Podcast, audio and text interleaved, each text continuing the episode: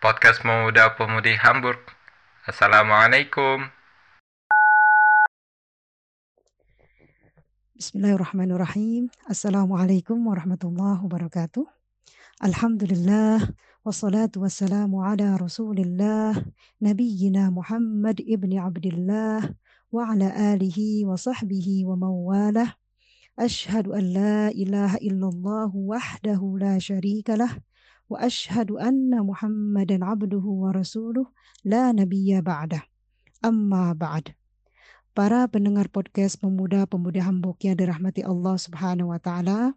Alhamdulillah kali ini saya diminta untuk menyampaikan tema amalan ibadah di bulan Ramadan bagi muslimah ketika haid atau nifas. Baiklah sahabat P3H yang dirahmati Allah Subhanahu wa taala, apa sih definisi ibadah itu? Haruskah seorang muslimah sedih saat kedatangan haid atau nifas, apalagi di bulan Ramadan, lebih-lebih di pekan terakhir Ramadan? Haid dan nifas adalah suatu keniscayaan yang telah ditetapkan Sang Pencipta Allah Subhanahu wa taala kepada kaum wanita yang tidak mungkin dihindari. Sebaliknya harus disyukuri kedatangannya. Namun umumnya wanita muslimah kalau kedatangan tamu tersebut di bulan Ramadan langsung mengeluh. Berbeda kalau datangnya di bulan yang lain. Misalnya, ya kok datang sih? Apalagi datangnya beberapa menit menjelang maghrib. Oh no, begitu kira-kira dalam hati mereka.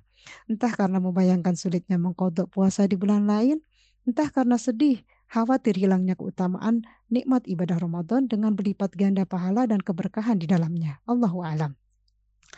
Kenapa mereka sedih dan takut kehilangan keutamaannya? Mungkin disebabkan yang pertama, karena muslimah lupa atau mungkin tidak tahu bahwa tujuan dasar Allah menciptakan manusia adalah untuk beribadah sebagaimana firman Allah dalam uh, surah Az-Zariyat ayat 56. A'udzu billahi minasyaitonir rajim. Wa ma khalaqtul jinna wal insa illa liya'budun. Dan aku tidak menciptakan jin dan manusia melainkan agar mereka beribadah kepadaku. Eh, jadi apa pun amalan kebaikan yang diniatkan lillah itu adalah ibadah bernilai ibadah dan berpahala seperti ibadah biidnillahi ta'ala. Karena itu pasti Islam tidaklah melarang umatnya untuk beribadah selama tidak melanggar aturan. Karena setiap manusia dituntut untuk menjalankan ibadah selama haid masih di kandung badan. Allah mendegaskan lagi dalam firman-Nya, "Wa'bud rabbaka hatta ya'tiyakal yaqin." Beribadlah kepada Tuhanmu sampai datang kepadamu al-yaqin dalam surah Al-Hijr ayat 99. Eh, para ulama tafsir sepakat bahwa makna al-yakin pada ayat ini adalah kematian. Untuk itu, tak terkecuali muslimah yang mengalami haid atau nifas, Islam tidaklah melarang mereka untuk melakukan ibadah. Islam tidak membatasi ruang gerak mereka untuk melakukan amalan ibadah, walaupun ada beberapa amalan yang tidak dibolehkan. Tapi wanita haid atau nifas masih bisa melakukan banyak amalan-amalan ibadah lainnya yang dianjurkan. Bahkan berlipat-lipat jauh lebih banyak daripada amalan ibadah yang dilarang. Kemudian eh, sebab yang kedua, kenapa muslimah sedih dan takut kehilangan keutamaan ibadah Ramadan? Karena ketidaktahuan umumnya muslimin, baik muslim atau muslimah. Apa sebenarnya definisi ibadah itu? Syekh As-Sa'di rahimahullah dalam kitab Taisir Al-Karim Ar-Rahman atau lebih dikenal dengan nama Tafsir As-Sa'di, beliau menerangkan bahwa ibadah itu mencukupi ketundukan dalam melaksanakan perintah Allah dan menjauhi larangan-larangannya serta membenarkan perintah yang dikabarkannya. Jadi, bila dilihat dari definisi ini, bahwasanya uh, muslimah yang meninggalkan, amalan-amalan ibadah dengan niat menjauhi larangan Allah SWT pada dasarnya sedang menjalankan ibadah, berarti tetap berpahala dan tetap mendapatkan keutamaan Ramadan biiznillahi taala. Amin ya rabbal alamin. Apalagi ibadah yang dibolehkan dikerjakan muslimah saat haid atau nifas jauh-jauh lebih banyak daripada yang dilarang. Sahabat P3H yang dirahmati Allah Subhanahu wa taala, Profesor Dr. Wahbah Zuhaili rahimahullah, ulama besar dari Syria, Beliau termasuk ulama yang sangat produktif menulis menulis buku-buku Islam. Dalam salah satu bukunya yaitu eh, Fikih Islami wa Adillatu, Buku ini banyak dipakai sebagai rujukan fikih perbandingan mazhab, baik di Syria, Indonesia, maupun negara lainnya. Dalam buku ini, tepatnya pada jilid 1 halaman 624 sampai 631, beliau menerangkan 8 perkara yang dilarang saat haid atau nifas dikerjakan. Dengan penjelasan terper, uh, terperinci, baik sebab dan dalil-dalilnya. Namun karena waktu terbatas, saya akan menjelaskan hanya poin-poinnya saja bahwa delapan perkara yang dilarang tersebut yaitu yang pertama wudhu dan mandi janabah atau mandi wajib. Yang kedua sholat, ketiga puasa, empat tawaf, lima menyentuh mushaf Al-Quran dan melafazkannya, yang keenam masuk dan menetap di masjid, yang ketujuh jima atau berhubungan badan suami istri, yang kedelapan cerai. Sebaliknya, justru bagi muslimah yang haid atau nifas tersedia banyak ibadah-ibadah eh, lainnya, baik ibadah personal yang ibadahnya dikerjakan sendiri-sendiri maupun ibadah berjamaah yang sangat bermanfaat dan mengandung banyak keutamaan dan berpahala. Misalnya, yang pertama berdoa dan berzikir. Ulama beritifak sepakat bahwa wanita yang sedang haid dan nifas atau yang sedang berjunub baik di bulan Ramadan maupun bulan-bulan lainnya masih bisa berdoa dan berzikir. Sehingga walaupun tidak bisa sholat masih tetap mengingat dan eh, mendekatkan diri kepada Allah.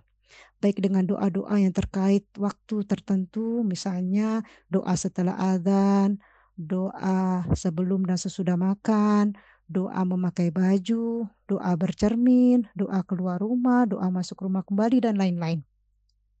Bisa juga membaca zikir mutlak sebanyak mungkin, seperti memperbanyak tasbih, subhanallah, tahlil, la ilaha illallah, tahmid, alhamdulillah, dan zikir-zikir lainnya. Banyak sekali hadis-hadis Rasulullah SAW yang menerangkan keutamaan-keutamaan kalimat zikir dan dahsyatnya pahala berzikir ini. Di antaranya, kalimatani khafifatani ala lisan taqilatani fil mizan habibatani ila rahman subhanallahi wa bihamdihi subhanallahil azim kalimatani khafifatani ala lisan ada dua kalimat zikir yang ringan diucapkan di lidah. taqilatani fil mizan tapi berat artinya besar pahalanya dan juga berat timbangan amal kebaikannya habibatani ila rahman dan sangat dicintai oleh ar-rahman maksudnya Allah Subhanahu wa taala yaitu kalimat subhanallah wa bihamdihi subhanallahul subhanallahil azim. Hadis ini hadis riwayat Bukhari dan Muslim. Masya Allah tabarakallah. Dan masih banyak lagi hadis-hadis yang menerangkan keutamaan-keutamaan zikir, ganjaran pahala, serta kebaikan bagi yang membacanya. Masya Allah, tabarakallah, walhamdulillah yang tentunya rugi uh, bila kita lewatkan, apalagi bisa dibaca dalam keadaan haid dan nifas sekalipun. Lebih-lebih di bulan Ramadan ini, di mana pahala dilipat gandakan biidznillah ta'ala. Kemudian amalan lain yang bisa dikerjakan bagi muslimah ya, ketika haid atau nifas, misalnya bangun malam seperti biasa. Karena yang diharamkan hanya sholat, tapi berdoa dan bermunajat di waktu sepertiga malam sampai datang waktu subuh, atau di waktu-waktu mustajabah lainnya tetap disunahkan. Apalagi di bulan Ramadan ini, kesempatan besar kita memperbanyak doa dan zikir. Rasulullah SAW bersabda, bersabda Inna lillah Inna lillahi fi kulli yawmin idqa'a minan nari fi syahri Ramadan. Sesungguhnya Allah membebaskan beberapa orang dari api neraka pada setiap hari di bulan Ramadan. Wa inna likulli muslimin da'watan yad'u biha fayastajibulah. Dan uh, di bulan Ramadan ini setiap muslim apabila dia membacakan doa maka pasti dikabulkan. Masya Allah, tabarakallah. Kemudian amalan yang lain yang dibolehkan belajar Al-Quran langsung dengan guru di waktu dan majlis yang sama, baik offline maupun online. Begitupun diperbolehkan murojaah Al-Quran kalau memang sudah terbiasa menghafal Al-Quran supaya tidak kehilangan hafalannya. Namun harus hati-hati Jangan sampai menyentuh langsung tangan atau kulit kita dengan ayat Al-Quran, kecuali dengan alas atau bisa juga dengan Al-Quran terjemah, buku-buku tafsir, asal tidak ter, uh, tidak tersentuh pas sebagian ayatnya. Bisa juga menggunakan HP, tablet, laptop, atau media lainnya yang tidak dihukumi sebagai mushaf Al-Quran. Karena uh, orang yang berhadas besar ataupun kecil tidak boleh menyentuh mushaf. Ini pendapat uh, sepakat di antara empat madhab. Dari uh, dalilnya sebagaimana firman Allah SWT, la yamassuhu illal mutahharun. Tidak menyentuhnya kecuali orang-orang yang disucikan, yaitu di surah Al-Waqiah ayat 79. Kemudian dikuatkan dengan hadis Rasulullah Shallallahu Alaihi Wasallam, la tamussul Quran illa wa anta tahir. Tidak boleh menyentuh Al-Quran kecuali engkau dalam keadaan suci. Hadis riwayat Al-Hakim. Sehingga uh, bagi wanita haid atau nifas yang ingin tetap menjaga rutinitas menghafal Al-Quran, tidak kehilangan hafalannya, dan hafalannya terjaga bismillah ta'ala. Juga masih bisa tetap belajar dan hadir di kajian-kajian Al-Quran, baik kajian tahsin, tajwid, dan lainnya. Masya Allah, tabarakallah. Kemudian Amalan yang lain yang dibolehkan yaitu mendengarkan Al-Quran. Al-Quran adalah mukjizat dan hidayah dari Allah Subhanahu wa taala. Tidak saja membaca dan mengamalkannya, mendengarkannya pun akan mendapatkan pahala, juga manfaat yang besar biidznillah taala. Beberapa manfaat dan keutamaan mendengarkan Al-Quran di antaranya yang pertama, mendengarkan Al-Quran bisa menjadi sebab tersampainya hidayah. Masya Allah. Sebagaimana firman Allah dalam surah Al-Zumar ayat ayat 17 dan 18 fabashir ibad sampaikanlah kabar gembira kepada hamba-hambaku alladzina yastami'una al-qawla fayattabi'una ahsanah yaitu mereka yang mendengarkan perkataan lalu mengikuti apa yang paling baik di antaranya ulaika alladzina hadahumullah wa ulaika hum ulul albab. Mereka itulah orang-orang yang telah diberi petunjuk oleh Allah dan mereka itulah orang-orang yang mempunyai akal sehat. Masya Allah, tabarakallah. Kemudian eh, keutamaan mendengarkan Al-Quran lainnya. Yang kedua, dengan mendengarkan bacaan Al-Quran dapat mengasah kehusyuan dan kepekaan hati. Dalam beberapa riwayat hadis banyak diceritakan bagaimana Rasulullah SAW meneteskan air mata saat mendengarkan bacaan Quran uh, para sahabatnya. Masya Allah, tabarakallah. Kemudian Mendengarkan bacaan Al-Quran juga merupakan sebab mendapatkannya rahmat dari Allah SWT. Sebagaimana janji Allah dalam surah Al-A'raf ayat 204. Wa idha al Qur'anu fastami'u lahu wa ansitu la'allakum turhamun. Dan apabila dibacakan Al-Quran, maka dengarkanlah dan diamlah agar kamu mendapat rahmat. Masya Allah. Kemudian amalan lain atau amalan yang kelima yang bisa dikerjakan uh, wanita uh, haid atau nifas yaitu membaca terjemah Al-Quran supaya lebih paham maksud ayat-ayatnya, apalagi dilengkapi dengan tafsirnya. Karena Al-Quran adalah mujizat terbesar dan warisan Rasulullah SAW yang dapat kita saksikan hingga saat ini. Salah satu kelebihan Al-Quran adalah bila dibaca, meski tidak difahami maknanya, Al-Quran tetap mendatangkan hikmah yang besar dan pahala, Masya Allah. Perintah membaca Al-Quran tetap ada walaupun kita belum menguasai bahasa Arab. Perintah untuk membaca Al-Quran ini uh, bertebaran di dalam Al-Quran sendiri. Di antaranya, faqra'u ma tayassaru uh, minal Quran. Karena itu, bacalah apa yang mudah bagimu dari Al-Quran, yaitu di surah Muzammil ayat 20.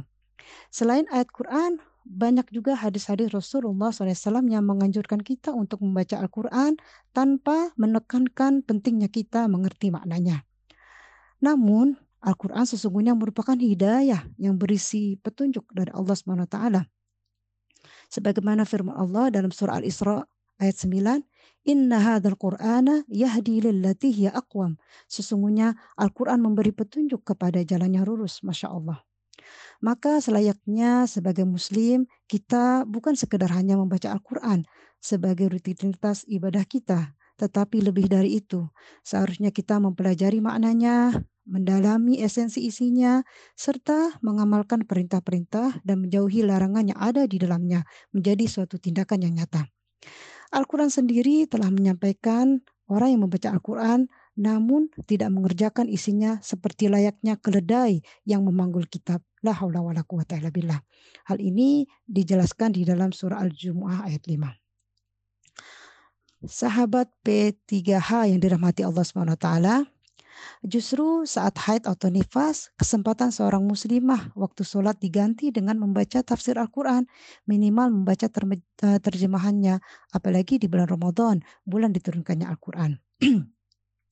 Kemudian amalan ibadah lainnya yang bisa dikerjakan muslimah saat haid atau nifas, baik di bulan di, uh, baik di bulan Ramadan maupun bulan lainnya, uh, yaitu yang yang keenam ya, membaca literatur Islami dari buku-buku atau dari majalah, juga dari media online lainnya, Masya Allah, Tabarakallah.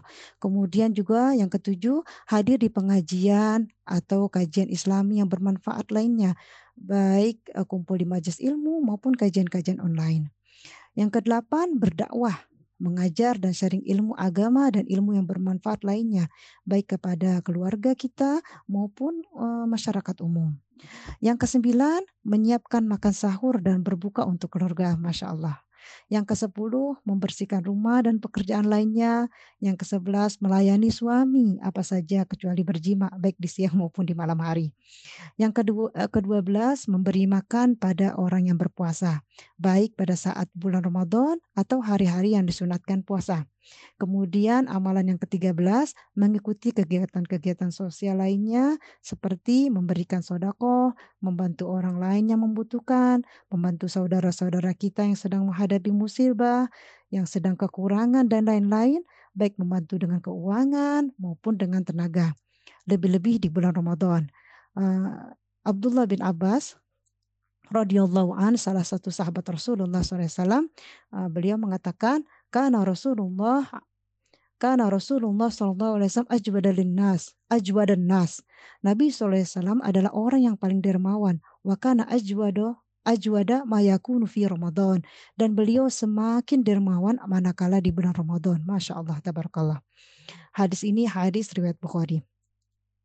Sahabat P3H yang dirahmati Allah SWT, Nah, demikian yang dapat saya sampaikan mengenai sebagian amalan ibadah yang dapat dikerjakan muslimah saat haid atau nifas, baik di bulan Ramadan maupun bulan-bulan lainnya. Dan masih banyak lagi ibadah-ibadah lainnya yang dapat dikerjakan muslimah saat haid atau nifas. Masya Allah, tabarakallah. Allahu alam bisawab. Semoga bermanfaat.